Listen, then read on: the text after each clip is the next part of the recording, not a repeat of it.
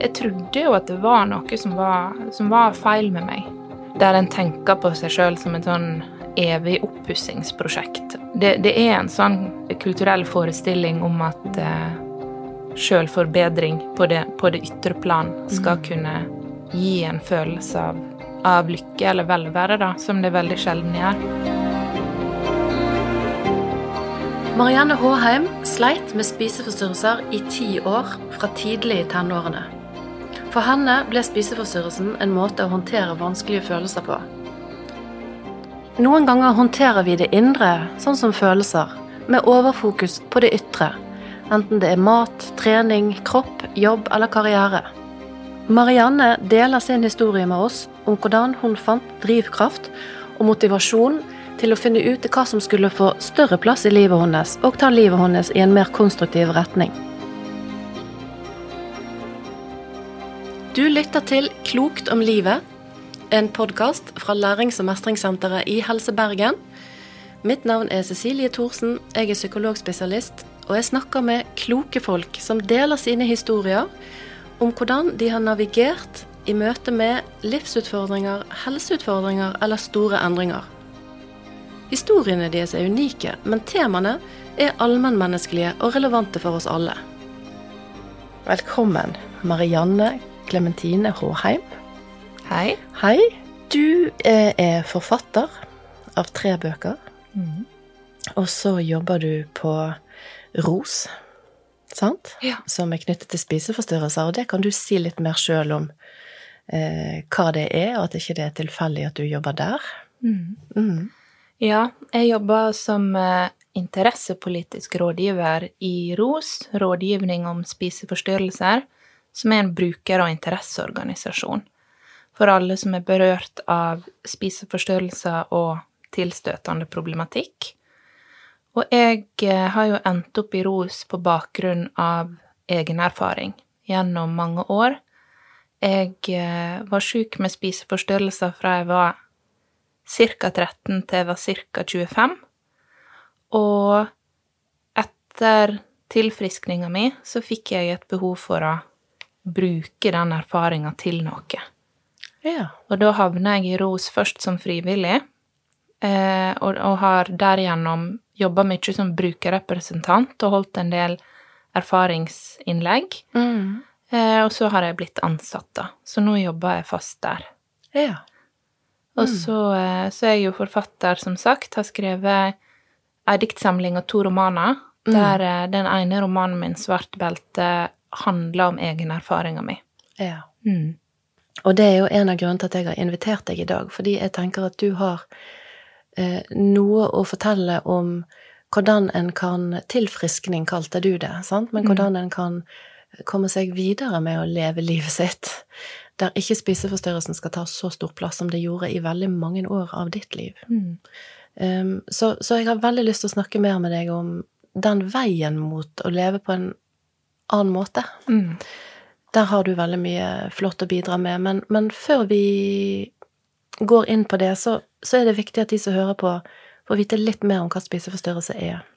Spiseforstyrrelser er psykiske lidelser som kan komme til uttrykk på litt ulike måter, men djupest sett så handler det om at eh, altså mat, kropp og vekt blir styrende for livet, i den grad at det overskygger alt annet og gir dårligere livskvalitet. Og en spiseforstyrrelse er veldig ofte en mestringsmekanisme. Den eh, Asle Halvorsen, som er psykolog og jobber på seksjon for spiseforstyrrelser her på Haukeland, eh, har sagt veldig fint at spiseforstyrrelsen kom fordi den skulle dekke over noe annet. Så det handler om eh, om vanskelige tanker og følelser i bunn og grunn, som en da forsøker å kontrollere eller mestre eller dempe gjennom mat og kropp. Ja. Mm. Og det kan komme ulikt til uttrykk. Mange assosierer det med anoreksi og undervekt, men eh, de aller fleste som strever med de sykdommene her, er normalvektige eller overvektige. ja, for det er ikke de fleste som har anoreksi. Nei, det er den minst utbredte diagnosen, men Det er jo den som synes best utapå. Mm. Eh, den er lettest å se, og, og ser mest dramatisk ut, kanskje. Så den har med å få mer oppmerksomhet. Kan ikke du fortelle oss litt om hvordan det har vært for deg? Jeg utvikla en anoreksi som 13-14-åring, eh, og det kan jeg si veldig mye, mye om, egentlig. Men Mm. det vokste jo fram fra ei veldig djup misnøye med meg sjøl, og den jeg var, og hvordan jeg så ut. Eh, og jeg husker at eh, for meg så hang det med kropp og identitet helt sånn uløselig sammen. At jeg, jeg trodde oppriktig som 13-åring at hvis jeg forandrer kroppen min, så blir jeg en ny person. Og en bedre person. Eh, at min posisjon i verden vil endres med en vektnedgang. Eh, så jeg, jeg, trodde, jeg trodde veldig på, sånn som en ser at mange jo tror i, i denne kulturen, at jeg ville finne en lykke på andre sida av et slankeprosjekt, da, som var det jeg begynte med. Um, det var jo mye som var forsterkende for det i starten. Jeg fikk jo en del oppmerksomhet på det, sant? jeg fikk kompliment på det da jeg begynte å, å miste vekt, og det, det ga meg jo vann på mølla. Mm. Um, og jeg, nei, jeg følte jo Det var et sånt sjølforbedringsprosjekt for meg, tenkte jeg. Selvforbedringsprosjekt. Ja. Akkurat. Dette kan være ganske likt for mange. Ja. Man, man føler seg lite komfortabel med seg sjøl og Mm. hvem en er, og hva verdien har. Og det, det er ikke bare hos folk som har hatt en spiseforstyrrelse eller en problematikk, det ser en jo i kulturen, særlig Nettopp. kanskje blant kvinner, som der en tenker på seg sjøl som et sånn evig oppussingsprosjekt, og at eh, når jeg bare får fiksa på det her og det her og det her, da blir det bra. Ja. Og nå er vi jo inne i prime time for eh, sommerkroppssnakk, for eksempel. Det er vi. Eh, det, det er en sånn kulturell, kulturell forestilling om at eh, vektnedgang og generelt sjølforbedring på det, på det ytre plan skal Mm. kunne gi en følelse av, av lykke eller velvære, da, som det veldig sjelden gjør. Ja. Eh, og for meg så eh, Så jeg hadde som sagt en innleggelse som bøta litt på problemet mitt der og da. Fikk meg ut av livsfare. Mm. Fordi min spiseforstyrrelse gjorde meg veldig rigid. Ting Ja. må være sånn og sånn og sånn og sånn, og jeg må vite hva som skal skje. Jeg må vite hva slags mat som skal bli servert. Jeg må vite når på klokka den blir servert. Altså, jeg var veldig opptatt Altså, jeg strukturerte hele hverdagen min rundt det med maten. Og, og sånn går det ikke an å leve et vanlig liv. Men jeg hadde ikke Det var ikke rom for avvik fra planen. Så jeg eh, Jeg utvikla jo en bulimi ei stund etter at jeg eh, kom hjem igjen, fordi det for meg blei ei løsning på den uholdbare uforutsigbarheten i livet. Ja. At kanskje blir det servert noe som jeg ikke syns jeg kan ete, Mm. men da kan jeg ete det, og så kan jeg kvitte meg med det, eller kompensere for at jeg har spist det. Og den bulimien hadde jeg jo da i nærmere ti år. Ja. Eh, og en av de vanskeligste tingene med det var at eh, med den diagnosevandringa så endra jo kroppen min seg òg. Og jeg gikk fra å ha ei veldig synlig undervekt, et veldig synlig problem, til å se helt vanlig ut igjen. Ja. Og da jeg merka at andre sitt blikk på meg forandra seg. Og jeg er jo fortsatt på ei reise, vil jeg si, fordi at jeg fikk jo Jeg klarte jo å komme meg ut av det, og jeg blei først det som jeg vil kalle symptomfri, altså jeg slutta å kaste opp. Eh, og så fra symptomfri så jobba jeg meg mot mer og mer frisk. Og i dag så sier jeg jo at jeg er frisk, og det, jeg er jo frisk fra spiseforstyrrelsen, men, Men jeg ble sjuk i veldig ung alder, og jeg var Ja. sjuk i veldig mange år, og veldig sånn formative år. Ja, det er år der vi blir på en måte de unge voksne og former en del av identiteten vår, sant? Ja. Mm. En Og vei de- til å bli oss sjøl. Og den, det er Mm. mange av de prosessene jeg har gått glipp av. For jeg, en spiseforstyrrelse er så altoppslukende Ja. At jeg, jeg har ikke hatt tid til noe annet enn å, enn å være sjuk, Mm. og prøve så best som mulig å prestere på de arenaer en skal, altså utdanning, venner osv. Mm. Eh, Men det å, det å bli kjent med seg sjøl og utforske sånn og sånn, det, det har jo ikke jeg hatt tid til. Men dette med å eh, på en måte mestre følelser med å knytte det opp mot hva en spiser eller helst ikke spiser, og maten en kvitter seg med, kan du kjenne deg igjen i det? At det var en måte å regulere følelser på? Ja, i veldig stor grad. Ja. Uh, og jeg eh, Det var en av mine store redsler. Uh, altså, tanken på å skulle bli frisk uh, skremte meg, fordi jeg visste ikke hvordan jeg skulle håndtere vonde følelser uten å kunne bruke mat. ja.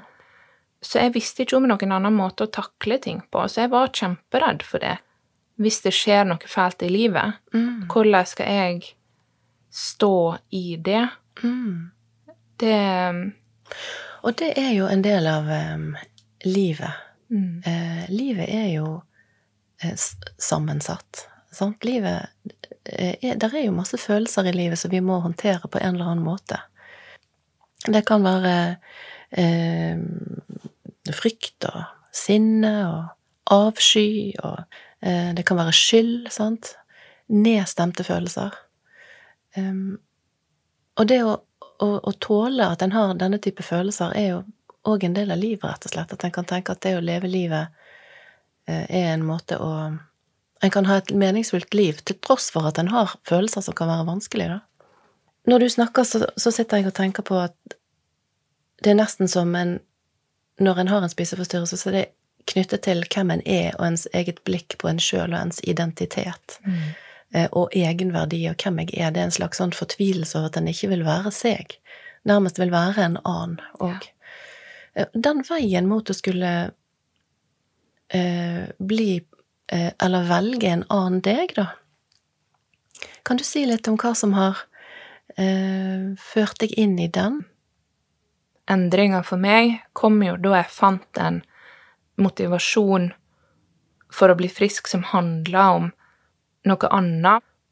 Da jeg var noen og tjue, så kom jeg inn på en skole, på et studie som jeg hadde så, hatt så innmari lyst til å komme inn på. Der, som handla om der jeg skulle jobbe med skriving, sant? som alltid har vært min store interesse i livet. Og så merka jeg i løpet av det første semesteret at jeg bruker så mye tid og krefter på den spiseforstyrrelsen at jeg klarer jo ikke være til stades på skolen. Jeg klarer ikke å komme meg opp om morgenen. Jeg klarer ikke å eh, bidra eller prestere på noen måte som På den måten som jeg ønsker. Mm. Kan jeg bare spørre deg, var det rett og slett sånn at det tok så mye tid og fokus for deg eh, at det å få tid til å gjøre andre ting, ting du egentlig var interessert i, det, det var ikke mulig? Nei, det var vanskelig. Mm. Og, Ja. og det tok jo òg så mye krefter og overskudd. sant? Jeg var jo sliten hele tida. ja. Her er det noe jeg har mer lyst til å gjøre. Interesse og engasjement, rett og slett. Her er Ja. noe som betyr mer for meg enn Ja. den spiseforstyrrelsen. Mm. Og det var nytt. Det hadde ikke jeg hatt før. Mm. Det kom fra et, en, den motivasjonen kom fra en annen plass. Den kom fra meg sjøl. Fra inni deg. Ja. Ja. Jeg tok det veldig dag for dag, for jeg var nødt til å bygge Altså bare skaffe meg erfaring med at jeg klarte å tåle meg sjøl og tåle livet mitt uten å bruke mat og kropp som mestring. Mm. Så det handler egentlig bare om å ta én dag av gangen og kunne og få erfaringer med at ja, det er ubehagelig etter et måltid, eksempel, men hvis du bare klarer å sitte i det ubehaget en liten stund, så Mm. går det over. Ja, tåle det. Ja. Mm. At, du, at du, du rett og slett bare erfarer at det, det går jo an. Jeg kan Mm. klare det. Det er Mm. mulig. Jeg går ikke i stykker. Mm. Og det som var, var jo at jo flere gode dager jeg hadde, og merka hvordan livet kunne være uten det der med mat og overspising og oppkast hengende over meg hele tida, jo, jo vondere ble jo de tilbake... Altså, jo mer opplevde jeg de tilbakestegene som ah, men det her, det her er så vondt, og det her er så ubehagelig og så fælt, og jeg vil ikke ha det sånn. Jeg vil ha det andre livet. Som psykolog jobber jeg på litt ulike arenaer, både innen klinisk psykologi og organisasjonspsykologi. Men det er ett spørsmål som jeg erfarer er veldig nyttig og potent for de fleste, enten jeg snakker med folk om utfordringer i livet, livet på jobben eller livet som leder. Det er et spørsmål av mer sånn eksistensiell karakter, og det er hva er det som er viktig for deg? Det bidrar til viktige refleksjoner og ikke minst gi en pekepinn på hva du sjøl kan gjøre som bidrar til å ta deg i den retning du vil på ulike områder. Marianne deler med oss noe tilsvarende hvordan det hjalp henne til en mer konstruktiv retning. Det er viktig for meg å kunne bidra i stort og smått til å gjøre verden litt bedre. Det høres jo helt, eh, helt eh, svulstig ut, men, men sånn som at jeg i, i jobben min i ROS da får lov til å på ulike måter altså gjøre et arbeid som betyr noe helt reelt for personer som strever med den, de sykdommene jeg sjøl har hatt. Eh, det, det betyr så mye for meg. Det, det å kjenne på et engasjement, fordi altså liksom, engasjement er en sånn, sånn livgivende følelse. Mm. Eh, og det, det, det er viktig for meg. Engasjement er en livgivende følelse. Kan jeg få stoppe deg litt på den? For nå satte du meg på sporet av eh, en filosof og forfatter som jeg eh, er veldig fascinert av, som levde for lenge siden, Kirkegård. Mm. Og han eh, sier noe om at eh, veien til å bli seg sjøl, altså for han så er det sånn målet å bli et subjekt i livet, da. Eh, å bli et subjekt handler om å blant annet òg kjenne at en eh, har en slags sånn lidenskap og engasjement for noe, Mm. rett og slett. Så når du sa det, så satt jeg og tenkte at er dette veien mot å bli, bli eh, deg, der du tåler deg sjøl i større grad?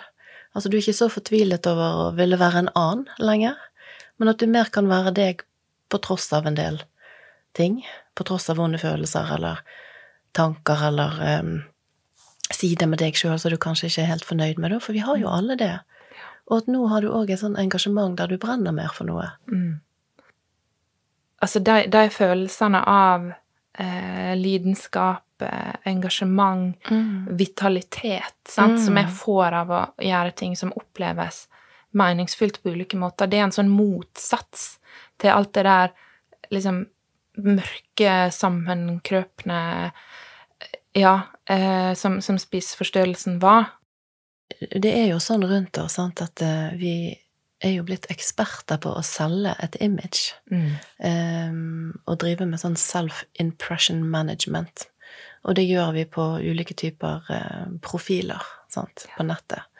Eh, og vi spiller en rolle, og det gjør vi for så vidt i store grader i mange sammenhenger, men, men de der bildene vi forsøker å selge av oss sjøl, det handler jo bare om, om eh, de gode tingene, eller de vellykkede prosjektene vi har gjort. Sant? Vi viser veldig, i veldig liten grad det andre. Mm. Mm, og det virker på oss. Det virker på oss alle, rett og slett. Vi sammenligner oss hele tiden. Og vi sammenligner oss jo alltid med de der vi faller dårligere ut. Vi sammenligner oss jo aldri med de der vi egentlig kan falle litt bedre ut. De sier en ikke alltid noe om. Nei.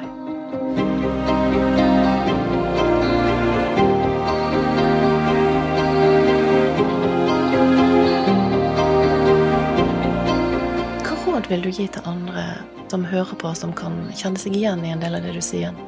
Det, det første rådet jeg alltid gir hvis det er snakk om altså spiseproblematikk og forstyrrelse, er jo det er jo det gode, gamle snakk med noen.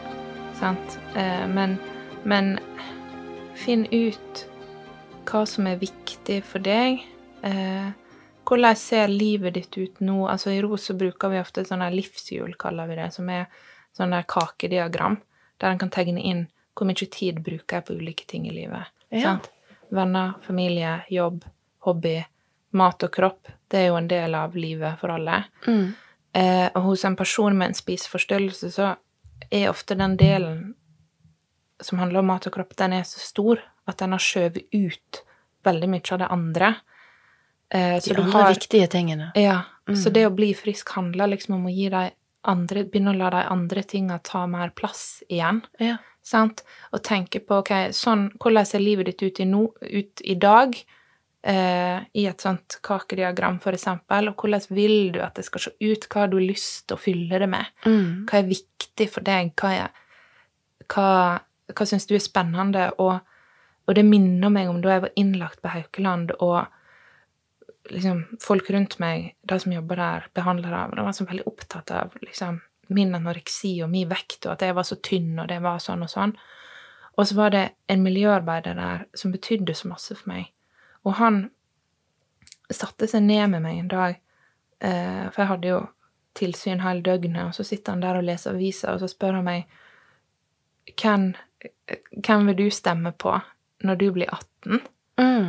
Og jeg bare Hæ, hva er det Hvorfor spør du meg om det? Mm. For jeg var jo vant til at folk var interessert i anoreksien. De var jo ikke interessert i meg. Og jeg hadde jo dessuten glemt litt hvem jeg var Ja. eh, under, eller ja, bak den anoreksien. Men han var, bare, han var bare interessert i hvem jeg var, og hva jeg brydde meg om. Og det Det er så viktig motivasjon, for du kan ikke bare ta vekk spiseforstyrrelsen. Nei. Du må fylle på med noe annet Mm. som kan gi deg eh, en opplevelse av mestring, Mm. eh, glede, påfyll. Ja. Eh, så et, ja, det handler veldig mye om det. Hvordan Hva er det egentlig du har lyst til å fylle livet ditt med? Og så Ja. prøve, å, prøve å gi de tinga mer og mer plass. Tusen takk, Marianne, for at du eh, kom og delte dine tanker og, og refleksjoner eh, både om hvordan eh, ting har vært, men også hvordan en kan komme seg inn på et litt annet spor, der en kan være på en bedre vei og få det bedre med seg sjøl. Takk skal du ha. Takk for at jeg fikk komme.